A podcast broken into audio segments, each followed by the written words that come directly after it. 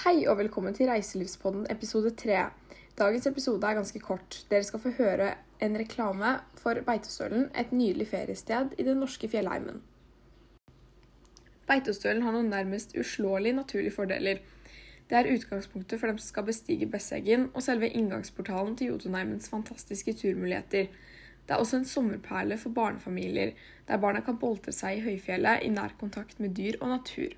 Samtidig har Beitostølen sommerkjelkeanlegg, olabilbakke, bumperboats, frisbeegolf, gyrotrampoline og høydebane med mer. Alpinanlegget er nærmest gjort til en fornøyelsespark på sommertid, med et fyldig kulturprogram og et koselig bygdesentrum med restauranter, kafeer og butikker like utenfor døren, så vet du hvor du bør ta med familien i sommer. I sentrum av Beitostølen finnes det en rekke puber, restauranter og kafeer som serverer alt fra tradisjonell norsk mat til tapas og pizza. Kontinental kafé og tapasrestaurant ligger i foten av alpin alpinbakkene. Her kan du få noe godt å spise, i tillegg til at kafeen er et hyggelig møtested etter skiopplevelsene. Med jevne mellomrom besøker gjesteartister og entertainere kafeen. Du finner også Hytta mat og vinhus, som er en utsøkt restaurant med unik atmosfære i nærheten av Beitostølen camping.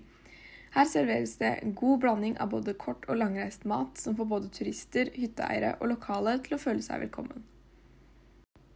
Hvis ingen av disse alternativene hørtes fristende ut, så kanskje du har lyst på nylaget pizza på døren.